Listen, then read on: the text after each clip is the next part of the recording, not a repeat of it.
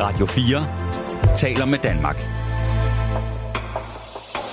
Velkommen til Kranjebrud med Peter Løde.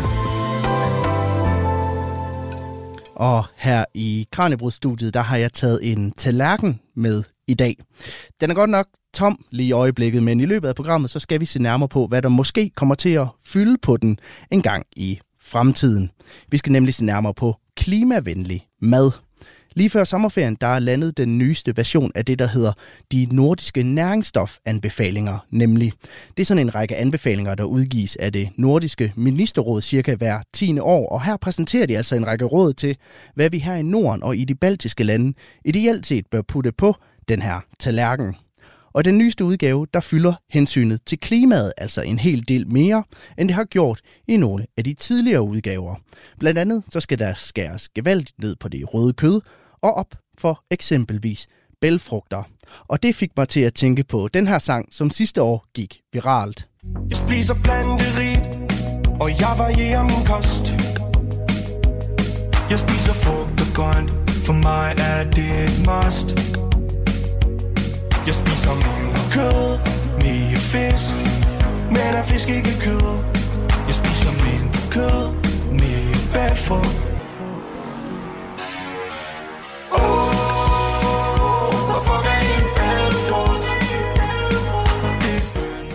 Ja, hvad fuck er en bælfrugt, spurgte bandet Køln og Dome i den her kampagnesang, som Fødevarestyrelsen stod bag for at promovere deres egne kostråd, der netop også anbefalede, at man blandt andet skulle spise flere bælfrugter af hensyn til klimaet. I dag i Kranjebrud, der ser vi simpelthen nærmere på det, der populært er blevet døbt klimakostrådene.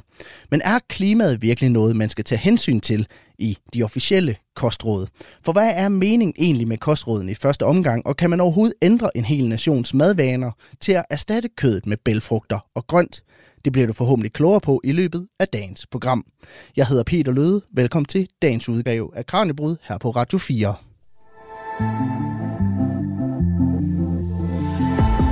lytter til Kranjebrud på Radio 4. Og til at udforske klimakostrådene sammen med mig, der har jeg i dag fået besøg af Christina Dam. Christina er lektor ved Institut for Folkesundhed ved Aarhus Universitet. Velkommen til programmet. Mange tak.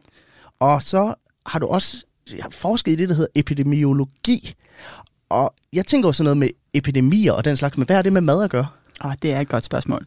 Jamen, epidemiologi er en øh, disciplin, der fik sit navn dengang de øhm, smitsomme sygdomme var dem, der hervede og var af størst vigtighed i forhold til, hvilke sygdomme, der rammer en befolkning. Selve disciplinen handler om at se på sygdomme fra et befolkningsperspektiv, så ikke så meget som øh, ens almenpraktiserende læge med, hvorfor en bestemt person har fået en bestemt sygdom, men mere når vi kigger på befolkninger, hvad er det for nogle sygdomme, der hersker, Øhm, og det er gået videre til at også være interesseret i, hvad er årsagerne til mm. de her sygdomme.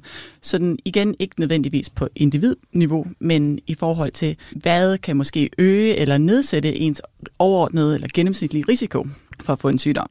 Og der er mad og det, vi spiser, simpelthen en, en del af det. Det er det, ja. Øhm, der er mange sygdomme, for eksempel hjertekarsygdomme og visse kræftsygdomme, som, øh, hvor mad og det vi også kan kalde livsstilsfaktorer, så det inkluderer fysisk aktivitet og vores drikkevaner og sådan noget, øh, er påvist til at have en indflydelse på risikoen for at udvikle nogle af de her sygdomme. Og det kan være, at du lige skal prøve at sætte os lidt ind i, hvordan du så selv har arbejdet med de her kostråd og beskæftiget dig med dem i din forskning. Øhm, jeg har i længere tid været interesseret i, øhm, i sammenhængen mellem livsstilsvaner og udvikling af hjertekarsygdomme og nogle kraftformer. Øhm, og det startede ud med at være interesseret i øh, en hypotese om, at øh, et større indtag af kostfibre nedsatte risikoen for tarmkræft. Øhm, der var nogle hypoteser om, at det forbedrede øh, gennemstrømningen øh, i tarmen, og derved nedsatte mm. risikoen for, at der kunne ske en, en, en cancer, at altså den karcinogene proces kunne sættes i gang. Og det er så lidt videre til forskellige andre studier, hvor vi har set på forskellige fødevarer, men også en større interesse i at se på, hvordan øh, sådan nogle pakker af, af råd som øh, sunde kostmønstre eller kostrådene, hvordan de måske kan forventes at have en indflydelse på risikoen for sygdom i befolkningen. Og det er jo noget med noget af det, du blandt andet har kigget nærmere på. Du har ikke selv været med til at lave den, men I har kigget nærmere på en rapport fra 2019 fra det, der hedder The Atlantic Commission. Er det ikke rigtigt? Ja, det var The Atlantic Commission on Food in the Anthropocene, så det vil sige mad i den menneskeskabte æra. Øhm, den udkom i 2019, og det var en stor rapport på baggrund af mange års arbejde, der ligesom sammenfattede øh, klimabelastningen som vores fødevaresystemer, og det dækker det hele fra fældning af skoven til at dyrke øh, soja, eller hvad det nu er, mad til vores kvæg og dyr, og sådan øh, hele systemet øh, til forbrugeren, og hvad vi spiser, og hvad vi smider væk. Øh, og den kom med nogle anbefalinger i forhold til, hvordan en på global plan bæredygtig kost, der var inden for de rammer, som planeten kan bære for, at, at vi kan leve her, øh, hvordan den kunne se ud. Og den øh, var interessant, fordi den var meget anderledes end de kostråd, der ellers fandtes øh, på det tidspunkt. Det, der var interessant ved den kostanbefaling, eller den, den foreslåede kost, som rapporten var kommet med, det var, at der var en stor, stort fokus på øh, fødevarer fra planteriget. Der havde allerede været en del forskning, der tydede på, at fødevarer fra planteriget, øh, frugt og grønt og, og øh, planteproteiner fra bælfrugter og fra kornprodukter og sådan noget, øh, muligvis var øh, associeret, altså havde en sammenhæng med lavere risiko for en hel række forskellige sygdomme. Øh, men, men her blev det virkelig fremført som noget, som, hvor vi af klima- og sundhedsmæssige behov havde brug for at fokusere mere på det og skrue voldsomt ned for vores øh, indtag af animalske produkter, og specielt øh, rødt kød, men, men alle kødformer. Og den kost, der bliver anbefalet i den rapport, ligner næsten en vegetarkost. Er jo selvfølgelig ikke en vegetarkost, fordi den tillader en lille bitte smule mm. øhm, æg og mælkeprodukter og lidt kød, men, men har stort fokus der. Og der var lige udkommet på det tidspunkt øhm, en, øhm, et studie fra øh, en forskergruppe i Oxford i England, der har undersøgt øh, vegetarer. De har en stor kohorte af vegetarer, altså en gruppe vegetarer, som har sagt ja til at deltage i forskning, og som bliver mm. fuldt op over tid. Og det er lidt usædvanligt, fordi øh, der er selvfølgelig mange flere vegetarer nu, end der har været tidligere, men der i 90'erne, hvor denne her gruppe, den her kohorte blev oprettet, så var det ret sjældent, at der var nok vegetar til, at man kunne få en, en, et stort nok styrke til mm. uh, studier til um, at kunne sige noget med statistisk styrke. Så der er simpelthen ikke datagrundlag nok? Nej, det er der nemlig ikke. Um, ikke på samme måde, som der er for, for omnivorer, altså alt spisere. Um, og det her studie blev publiceret og viste um, også med anden evidens fra de andre studier, de har vist, eller publiceret over længere tid, at øh, vegetar har generelt lavere risiko for en række sygdomme, men de har en øget risiko for en stroke, altså det er jo så en blødning eller en blodprop i hjernen. Øh, og i min forskningsgruppe og hos mig selv var vi bekymrede for, eller interesseret i at vide, om denne her globale bæredygtige kost var så tæt på en vegetarkost, at man ville måske skulle forberede sig på at være mere opmærksom på mm. strokes i befolkningen. Øh, der er nemlig en hypotese om, at grunden til, at vegetarer har den her øgede risiko for stroke, er, øh, hvis de ikke får nok, for eksempel B12, som øh, bliver produceret i, i animalske fødevarer. Så det var vores indgang, at prøve at se på, jamen holder det i alle sammenhænge, at denne her foreslåede bæredygtige kost, som er sund for planeten og sund for mennesker, det er i hvert fald den måde, den er udlagt på, holder det så også, når vi så tester den af i en befolkningsundersøgelse, hvor vi har information om folks kostvaner og deres sygdomsrisiko.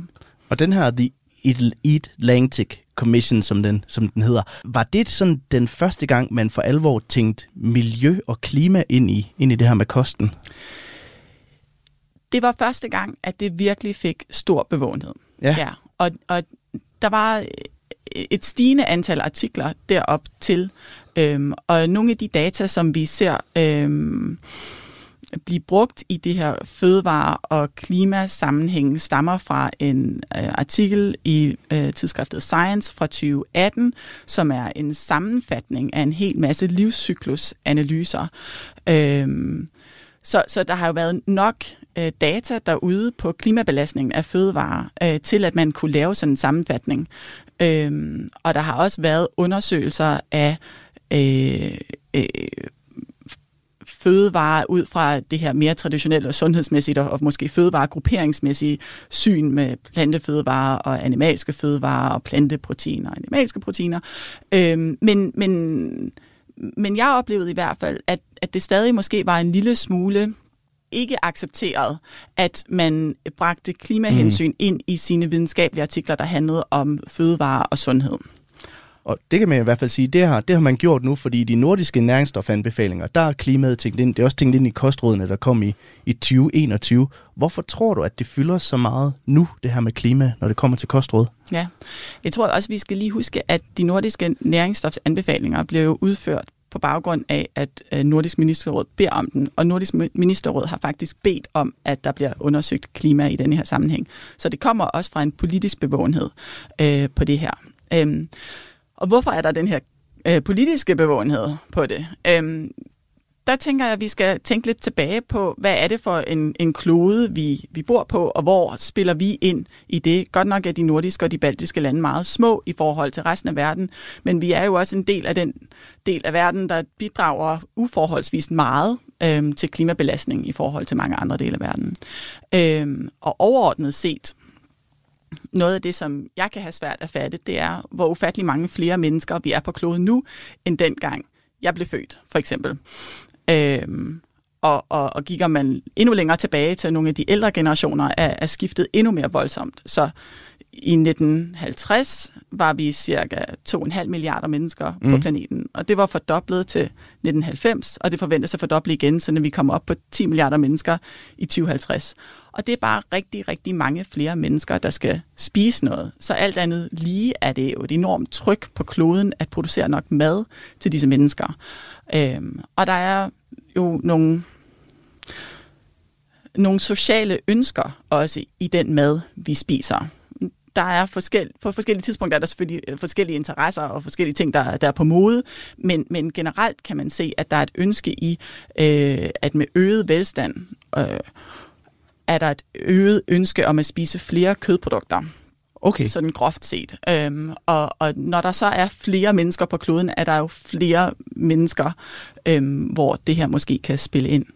Så der er en mange, mange mennesker, og det andet side, den anden side, det er, at det ikke gratis for kloden at producere mad for os. Øhm, for det første, det fylder jo meget, både landarealsmæssigt, øhm, og det bruger vand og den slags ting, men det udleder faktisk også en hel masse øh, drivhusgasser. Så alt efter hvordan man opgør det, og hvilket estimat man kigger på, så er det mellem 25 og 40 procent af de menneskeafledte drivhusgasser, der bliver udledt, øhm, som kommer fra vores fødevaresystemer, altså hele produktionssystemet, mm. fra vugge til grav, eller farm to fork, og, og ud over det. fra jord til bord. Ja, jord til bord hedder det på dansk, ja.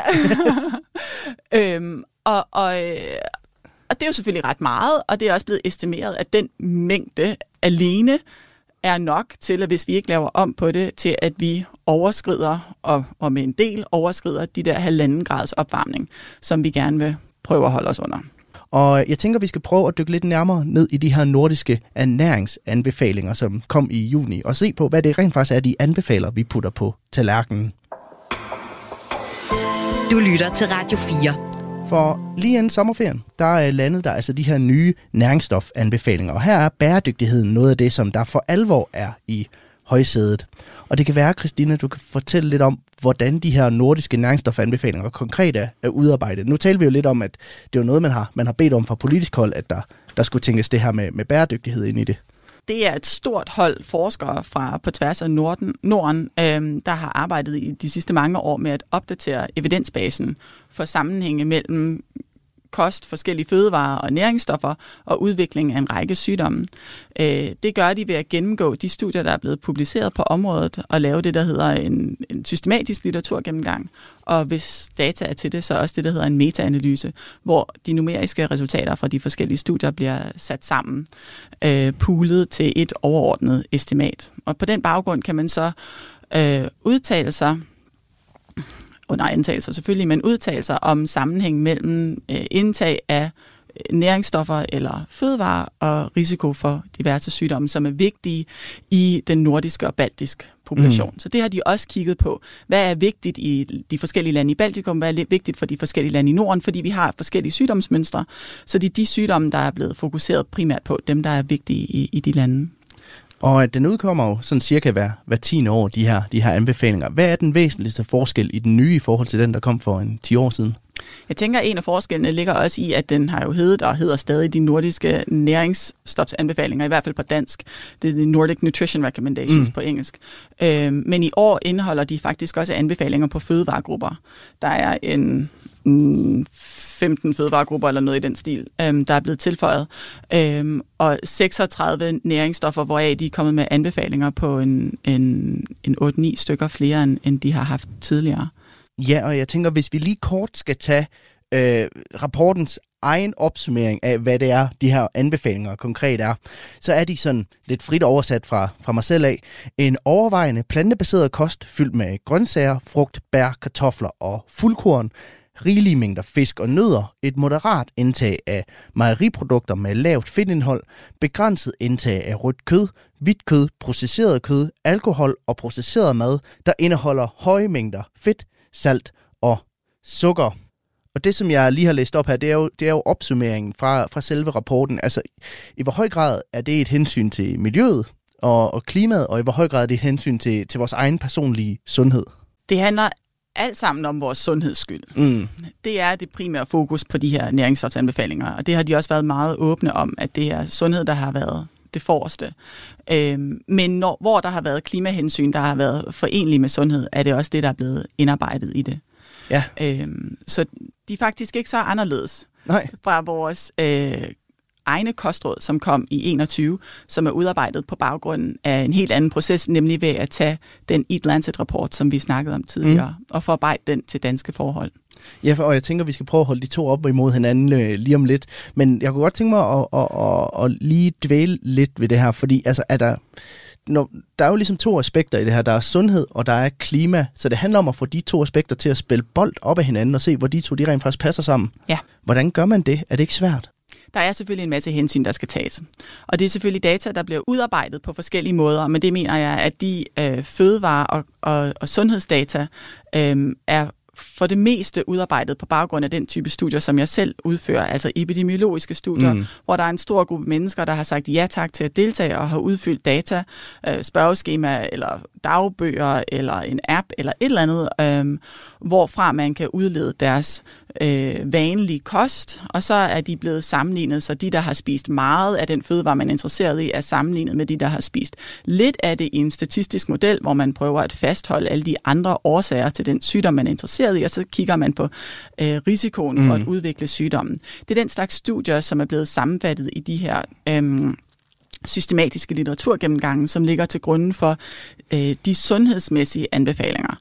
Øh, fra de her studier kan man også godt kigge på mængder af fødevarer, så ikke bare meget eller lidt, men decideret sådan, man kan øh, tolke ud fra grammængder. Mm. Øh, med nogle antagelser selvfølgelig, og med en opmærksomhed på, øh, at sådan nogle data, man indsamler fra øh, deltagere, er selvfølgelig også, afspejler selvfølgelig også en lille smule det, som folk gerne vil sige, at de spiser. Øh, men, men, men det, det kan man på nogen måde tage hånd om, og man kan i hvert fald være opmærksom på det, når man fortolker data. Hvorimod de her data om øh, klima, belastning. De mm. kommer fra primært, formentlig primært fra øhm, livscyklusanalyser, øhm, som bliver udført på baggrund af en helt anden faglighed og med en helt anden række øhm, antagelser og usikkerheder øhm, bygget ind øhm, i dem. Og det er så arbejdet med at prøve at lægge de to sammen og se på, jamen fødevarer, der har en høj belastning på klimaet, hvordan ser de ud i forhold til deres sundhedsparametre? Eller i virkeligheden er det jo nok den anden vej rundt. Fødevarer, der har en, mm. en, hvor der er noget evidens for en lavere risiko for diverse sygdomme, hvordan ser deres øh, klimabelastning ud? Og er der et niveau, hvor det virker til, at det er gavnligt at spise en fødevare, men ud over det, så får man måske ikke den store gevinst, kan man så lægge det sammen med klimahensynet.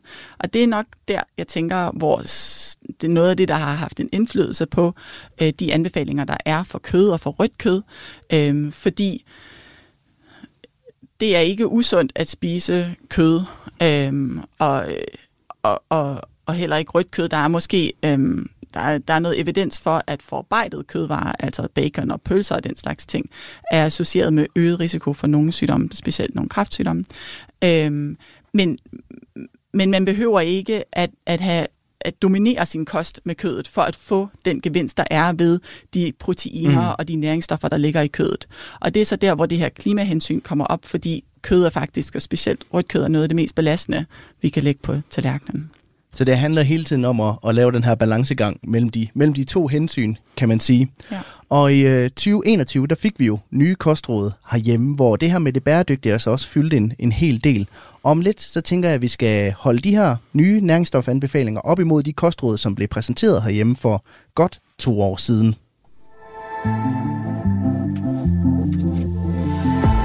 Du lytter til Kranjebrud på Radio 4. Til nye lyttere kan jeg fortælle, at vi i dagens Kranjebrud ser nærmere på klimavenlig kost. For klima og bæredygtighed, det er noget af det, der er i højsædet i de nye næringsanbefalinger fra det nordiske ministerråd. Og det er det også i kostrådene herhjemme, hvoraf den nyeste version udkom tilbage i 2021. Og lige før, der så vi nærmere på indholdet af de her nye nordiske næringsstofanbefalinger, Christina. Og jeg tænker, vi skal prøve at tage to år længere tilbage og se på de kostråd, som vi så allerede har herhjemme, og som blev vedtaget i 2021. Måske skal jeg lige genopfriske over for lytterne, at det er Christina Dam, der er min gæst, lektor ved Institut for Folkesundhed på Aarhus Universitet. Og lad os tale lidt om de her kostråd fra, fra 2021, som er altså gældende herhjemme. Hvad er det, de baserer sig på?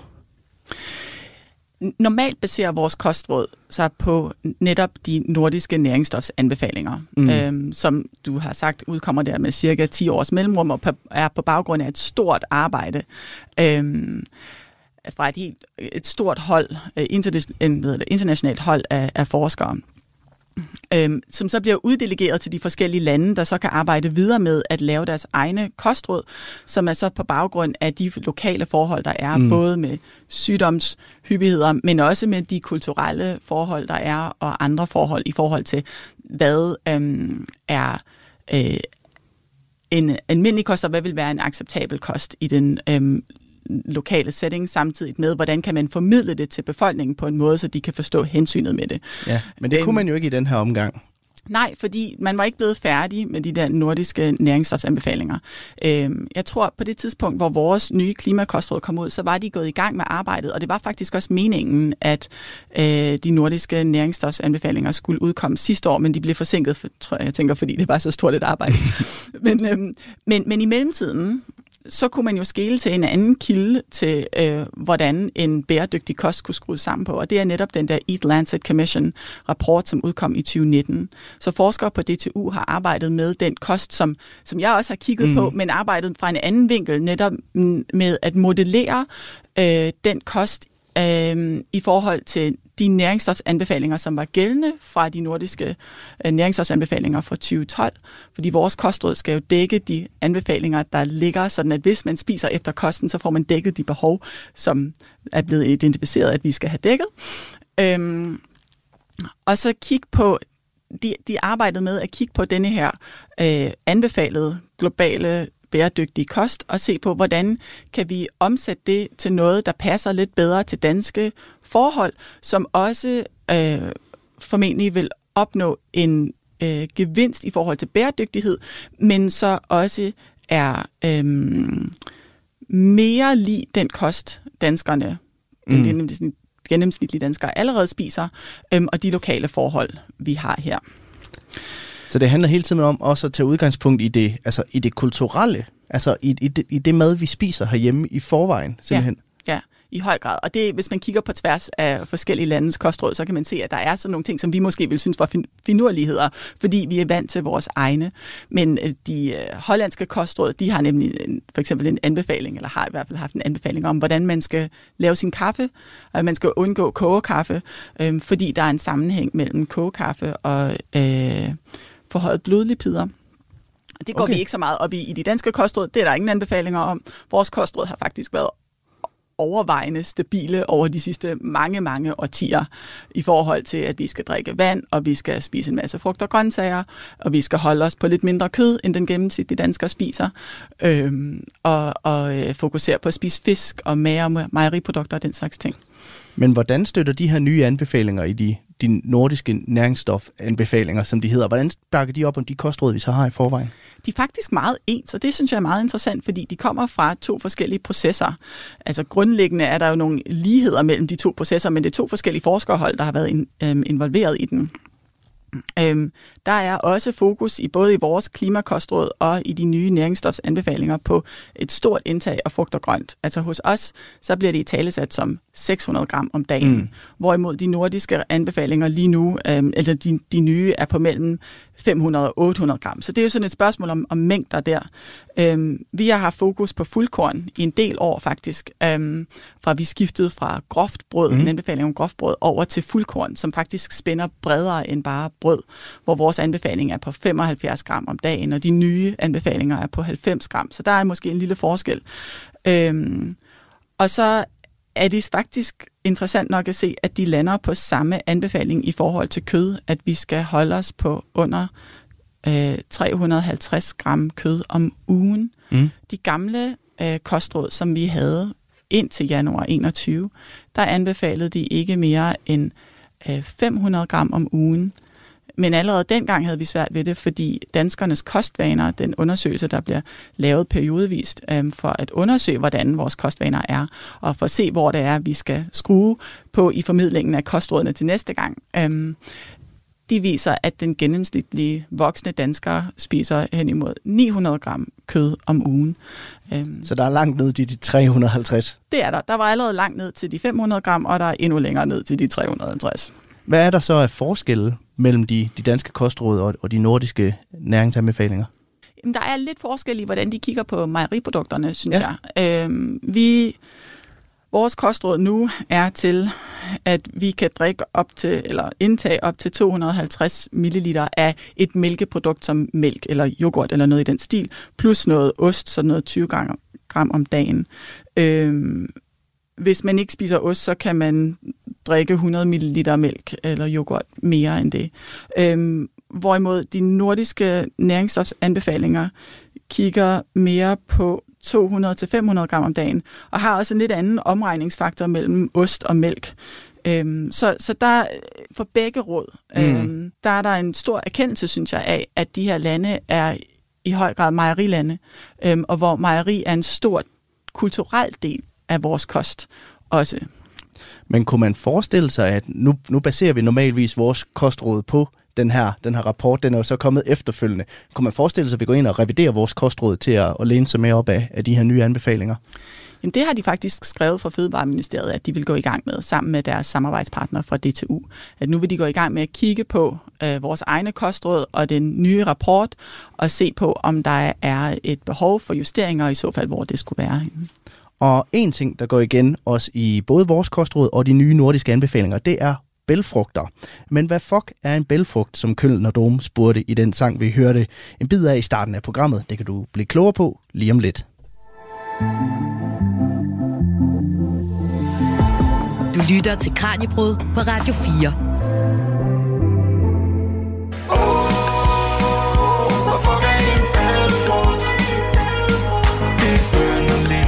kigger der sådan og det Ja, hvad fuck er en bælfrugt? Det var øh, et spørgsmål i den her sang, som bandet Kølner Dom lavede til Fødevarestyrelsen for at promovere de nye kostråd, som altså blandt andet indeholdt anbefalinger om rigelige mængder bælfrugter på tallerkenen, og som udkom i 2021. Og i den anledning, der havde min kollega Ditte Maj Gregersen inviteret Bettina Bull i studiet til en snak om lige præcis, bælfrugternes herligheder. Bettina Bull er madhistoriker og museumsinspektør i Madens Hus på det Grønne Museum, og de dykkede altså blandt andet ned i, hvordan vi tidligere her i Danmark har spist især store mængder ærter. Og prøv at lytte med her, når hun fortæller historien om den danske tørrede ært. Ærten her, den spillede altså en kæmpe rolle øh, i en tid, øh, før vi egentlig tyede til kartoflen. Øh, så den har lidt sammenhæng med det, der tidligere blev nævnt med, med kartoffelhistorie. Ikke? Også det var ligesom forgængeren. Øh, kartoflen får vi først ind.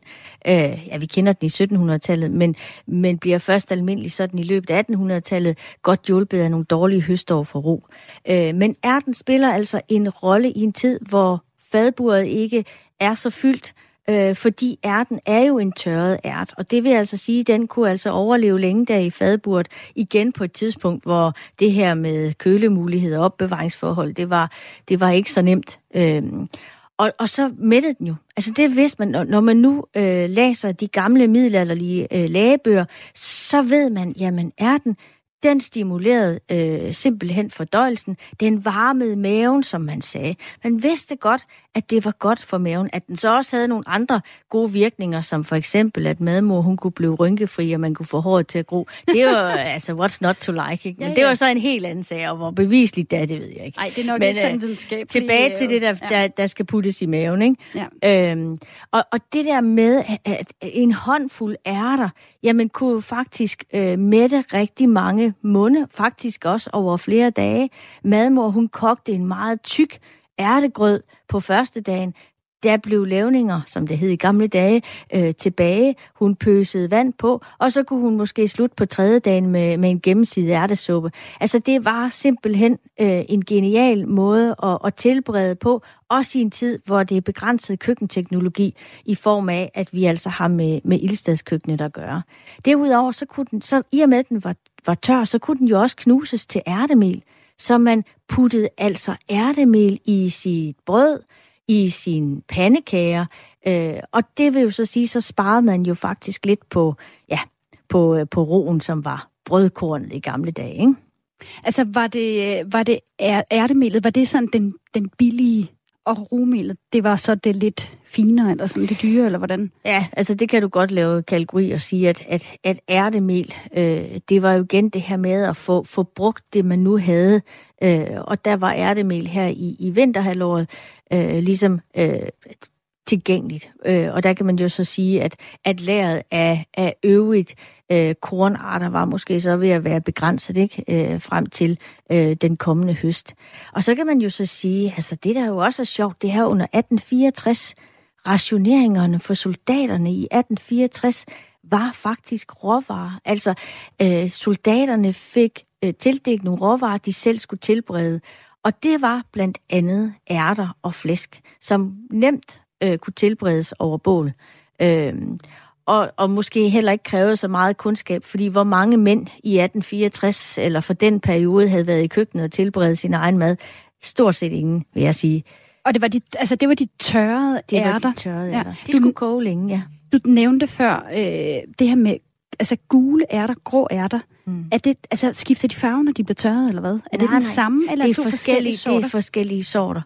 Ja. Øh, den grå ært blev også kaldt den øh, lollandske rosin. Øh, den, havde, den var lidt mere bitter, øh, men altså igen, øh, den havde en god holdbarhed, og den, øh, den mættede øh, fint. Og så kan vi jo så sige, at haveærten, den kommer altså først i senmiddelalderen. Øh, den er sjælden, og det er kun eliten, der dyrker den, fordi der var jo ikke til for at midte. Altså haveærten, det er dem, jeg kender hjemme fra haven. Altså de grønne, lækre ærter, mm, man plukker i der bælge. øh, juli, Ja. øh, og man smovser dem bare. Det gør man. Ja, Og får også sådan lidt maveknip på et tidspunkt, ikke, når man har spist lidt for meget. Ja. det varmer maven. Det varmer Ja. maven nemlig. Øh, men men det, det kommer altså først senere, og er jo så sjældent, så jeg kan se i den første danske kogebog fra 1616, der er der en meget omstændig opskrift på at koge eller dampe ærter. Meget omstændig. Så der skulle, man altså, der skulle danskerne lige have en brugsanvisning, når jeg siger danskerne, så var det stadigvæk eliten, der både kunne læse og have råd til kogebøger, men det er så noget helt andet. Altså nu var du før inde omkring øh, ærter i feltrationer i 1864. Mm. Altså hvad gjorde de her stakkels øh, soldater, når de så havde fået deres feltration med, hvis jeg husker rigtigt, et halvt pund ærter øh, og noget flæsk, Jamen, og skulle tilberede det? Det har ikke været nemt. Altså for det første, så skal man jo så igen huske på det her med kundskaberne. For det andet, så skal man huske på, at det skulle tilberedes over bål. Øh, og der har vi jo altså øh, krigen 1864, som jo altså var øh, i, i, i vinter, øh, tidlige for, forårsmåneder, hvor det jo både var øh, frostvådt og, og andet godt, og det, og det betød jo altså, at det måske ikke lige var så nemt. Så man finder hurtigt ud af at lave nogle såkaldte fældkøkkener, hvor man kunne aflevere sin rationering, og så kunne man så få et færdigt måltid. Men altså, i soldaternes øh, dagbøger og breve, der står der jo ganske tydeligt øh, meget omkring det her underholdende element af, øh, når når det her skulle tilberedes, hvor galt det kunne gå. Ikke? Og det gjorde det jo selvfølgelig også. Øh, så, øh, men, men de havde jo den her mæthedsfornemmelse, øh, kan man sige, de her er der. Ikke? Og igen den her holdbarhed, fordi det er jo også det, der er vigtigt at sige, at indtil at de får de her fældslagterier og feltbagerier, som også kommer, jeg tror det er i løbet af, af marts øh, 64, jamen inden den tid, jamen øh, der, der, der, må, der var det godt med de her tørrede råvarer, som kunne opbevares i den her lille taske, som soldaterne havde fået udleveret, hvor de kunne opbevare både deres brændevin, som jo øvrigt også var en del af feltrationen. Det smager jo rigtig godt til, til, øh, til ærtevælling øh, her, ikke? Altså, og råbrød, som jo også var en anden del af feltrationen, ikke? og flæsk. Og øh, det var tilbage i marts sidste år, at Bettina Bull besøgte Ditte Maj Gregersen her i Kranjebrudstudiet.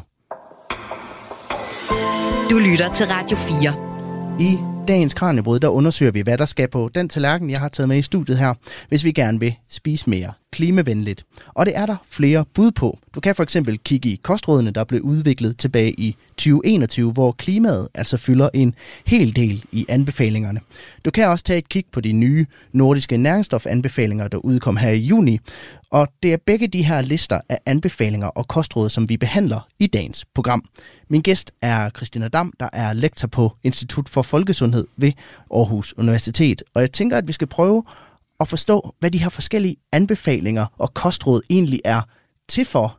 Fordi, altså, hvorfor laver man overhovedet de her anbefalinger i første omgang? Hvad er ideen med kostrådene? De er jo for at give en, en pejlemærke, et pejlemærke som mange andre anbefalinger, som vi får som pejlemærker, øhm, om noget, øh, hvor der er evidens for, at man forbedrer sin sundhed, øh, hvis man følger de her anbefalinger.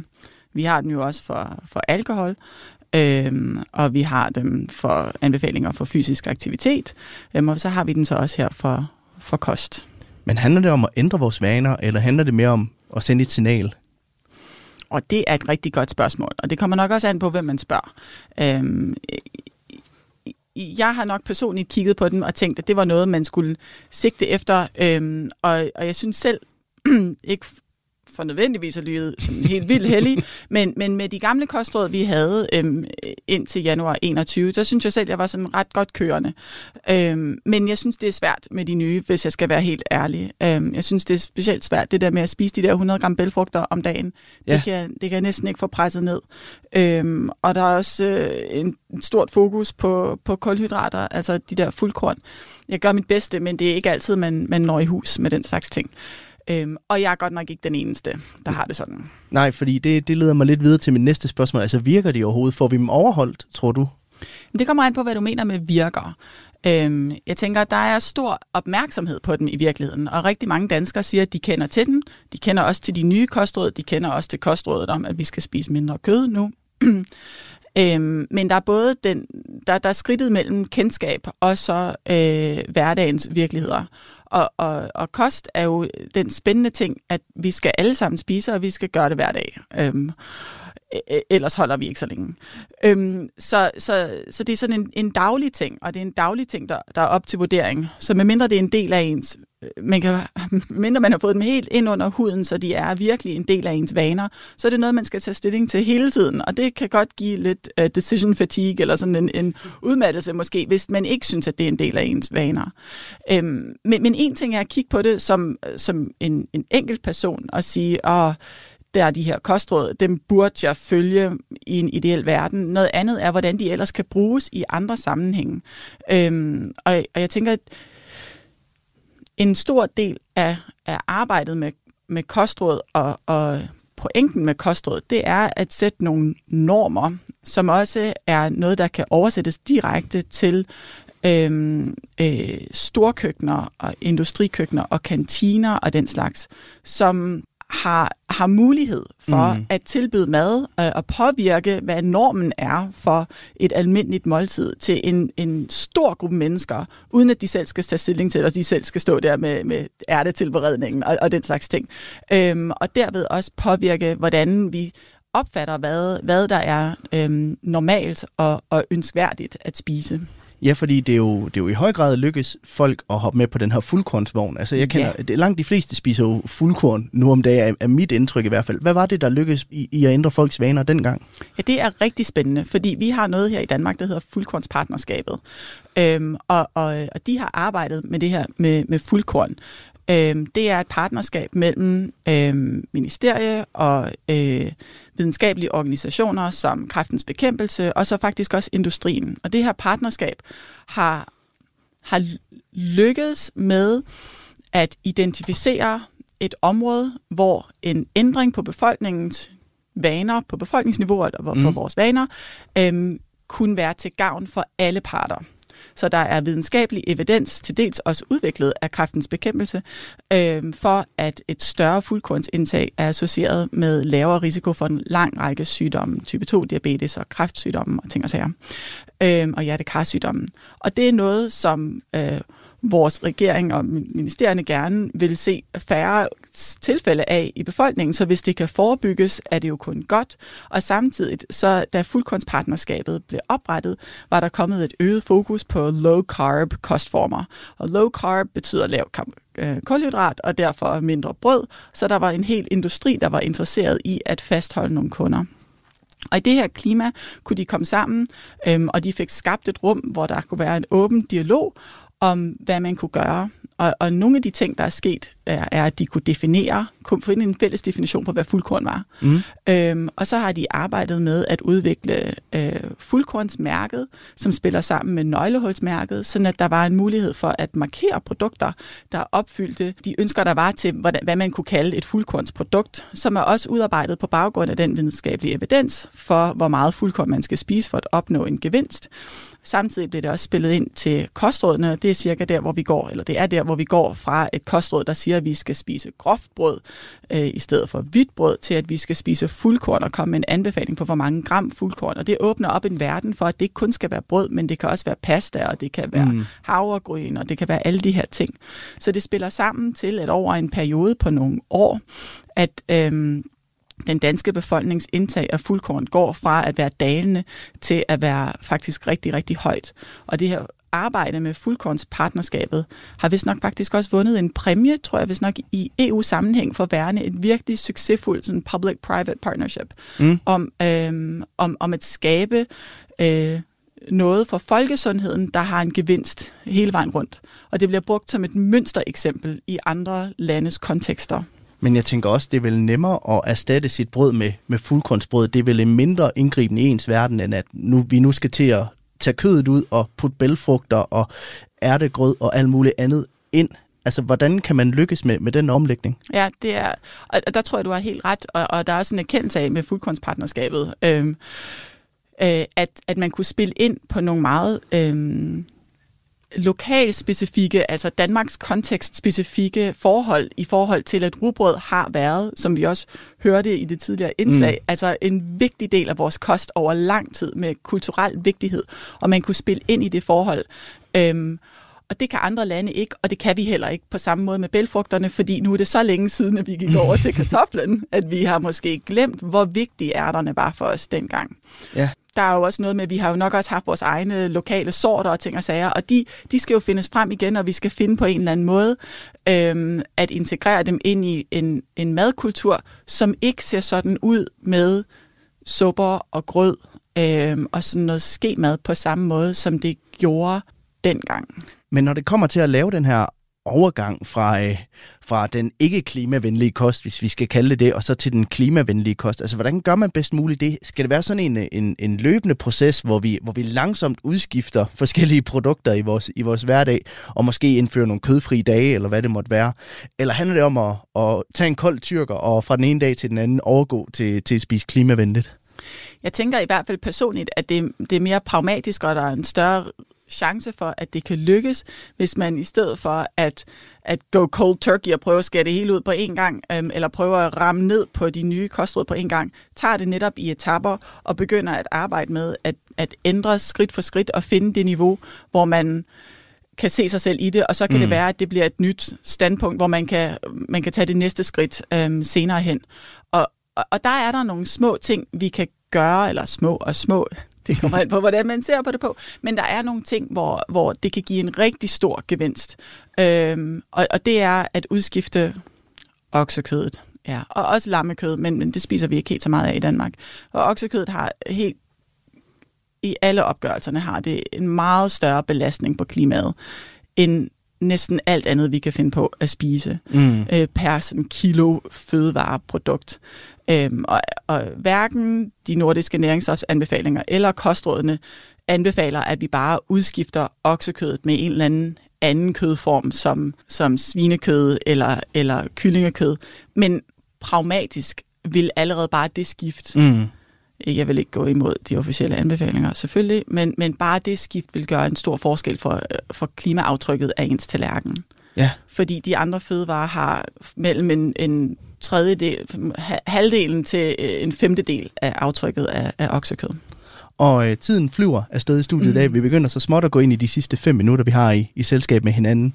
Og jeg kunne godt tænke mig at vende tilbage til det her med, hvad vi så reelt set kan gøre for at få en mere klimavenlig kost. Mm. Fordi jeg spiser nok som en meget gennemsnitlig dansker, synes jeg selv. Altså, jeg har taget en del grøntsager ind i min kost allerede. Jeg spiser mere kylling, mindre gris, øh, mindre okse. Jeg elsker fisk. Øh, men jeg kan også godt lide en stor bøf på grillen en, en gang imellem. Og hvis jeg nu gerne vil spise klimavenligt, så lad os prøve at se på, hvad det er, der, der skal fylde på den her tallerken, som jeg, som jeg har taget med i studiet i dag. Altså, du har jo selv taget en, en tallerkenmodel med, kan jeg se. Hvis vi skal prøve at øh, holde den her tallerkenmodel, som du har, du har taget med her, op imod den her tomme tallerken, som, som jeg står med her. Hvad er det så, jeg skal lægge på tallerkenen? Ja, altså næsten halvdelen af tallerkenen skal være grøntsager eller frugt. Okay, ja. øhm, og en måske lidt større andel, end man skulle tro, skal være de her fuldkornsprodukter eller kartofler og eller kartofler. Ja. Øhm, kartofler, øh, selvom de er planter, hører ikke til under grøntsagerne. De hører til over i, i stivelsen, altså kulhydraterne. Øhm, og så skal vi tænke på andre kilder til, til proteiner og, og, øhm, og fedtsyre. Og det, med det mener jeg altså bælfrugterne for eksempel, men, mm. men have et fokus på, på, på kylling og fisk, specielt gerne vildfanget fisk, hvis der stadig er nogen derude. Øhm, og, og faktisk også et større fokus på nødder og kerner, øhm, end ja. der har været tidligere i kostrådene. Men kan man godt kombinere det med stadigvæk og en gang imellem nyde den her, den her bøf fra, fra grillen af, eller er det noget, jeg kommer til at sige farvel til, tror du? Jeg tænker, en måde at tænke på den der bøf, det er at tænke på det ikke som en hverdagsting, men som, som noget til en særlig lejlighed. Ja. Fordi jeg er også rigtig glad for en god bøf. Øhm, men man er også rigtig glad for den, når man ikke får den så ofte. Ikke? Og så er der måske også bedre mulighed for at, øhm, at så prioritere at købe en bøf, som måske er, er blevet udviklet mere bæredygtigt end, end på en anden måde. Det, det tror jeg, der skal også forskes mere i, men vi ved allerede nu, at der er faktisk rigtig stor variation. Så de, de forhold, jeg nævnte i forhold til klimaaftryk, er sådan nogle gennemsnit. Øhm, og der kan vi måske skrue på at trække det gennemsnit ned, men det, nu siger du også friskfanget fisk, og, og vi snakkede om en, en måske lidt dyrere, lidt øh, bedre bøf i, i ny og næ, og, øh, og nødder og sådan noget. Det lyder også til, at det er lidt dyrere madvarer, vi måske skal skifte til. Der er i hvert fald undersøgelser, der viser, at, øh, at det kan være meget billigt at spise de her øh, allerede forarbejdede fødevarer, øh, og som plejer også at ligge, eller nogle gange ligger de i den lidt usundere øh, ende af skalaen og sådan noget. Og, og, og bælfrugter, som man køber tørret, som Bettina nævnte, mm. øh, de skal jo tilberedes, de skal udblødes, og de skal koges, ellers får man ikke noget godt ud af det. Og det kræver en investering i tid. Øh, de er ikke dyre, men det er noget, man betaler med på en anden måde med, med sin mm. tid. Øh, I forhold til øh, fisk og en bedre bøf øh, og den slags ting, øh, hvis man ser specielt bøffen som noget, der er til en særlig lejlighed, så har man, tænker jeg, måske bedre mulighed for at, øhm, at, at have samlet de penge, man ellers ville have brugt på at spise kød i øh, regelmæssigt, mm. på, på noget lidt bedre, øh, hvis det kun kommer en gang imellem. Men det er klart, at der er nogle spørgsmål i forhold til øh, både penge og tid i forhold til at spise en mere plantebaseret kost. Med mindre der kommer øh, en stor ændring i det udbud, vi ser. Og, og det er der jo også undervejs nu, også støttet op øhm, fra højeste niveau. Øh, og det bliver meget spændende at se, hvordan det kommer til at udvikle sig. Ja, og hvis vi skal, hvis vi skal runde programmet af, så kan jeg, det leder meget godt ind i mit sidste spørgsmål. Så tror du, hvis vi kigger 10 år frem i tiden til, når de nye nordiske næringsanbefalinger de kommer, tror du så, vi generelt set spiser mere klimavenligt? Det vil jeg da håbe. Jeg tror, der er et, et, et større øh, fokus på det, øh, og, og det, øh, at størstedelen af danskere siger, at de har hørt om rådet om at, at øh, spise mindre kød, øh, tyder på, at der er en opmærksomhed på det, og så håber jeg også, at vi er i en situation, hvor vi både føler et overskud øh, til at kunne øh, gøre noget ved det, fordi at, at ændre vaner kræver en indsats, mm. øh, men også at der er, øh, at det er blevet gjort nemt for os, sådan at vi ikke skal stå med vores øh, indkøbskurv øh, og træffe de her svære beslutninger i supermarkedet hver gang mellem noget, der er kendt, og som man synes er nemt, og noget, der er ukendt, og som man muligvis skal lave flere gange, før man synes, det smager lige så godt som det gamle. Øh, hvis der er nogle flere valgmuligheder, der gør det nemt for os, så vil det være rigtig fint.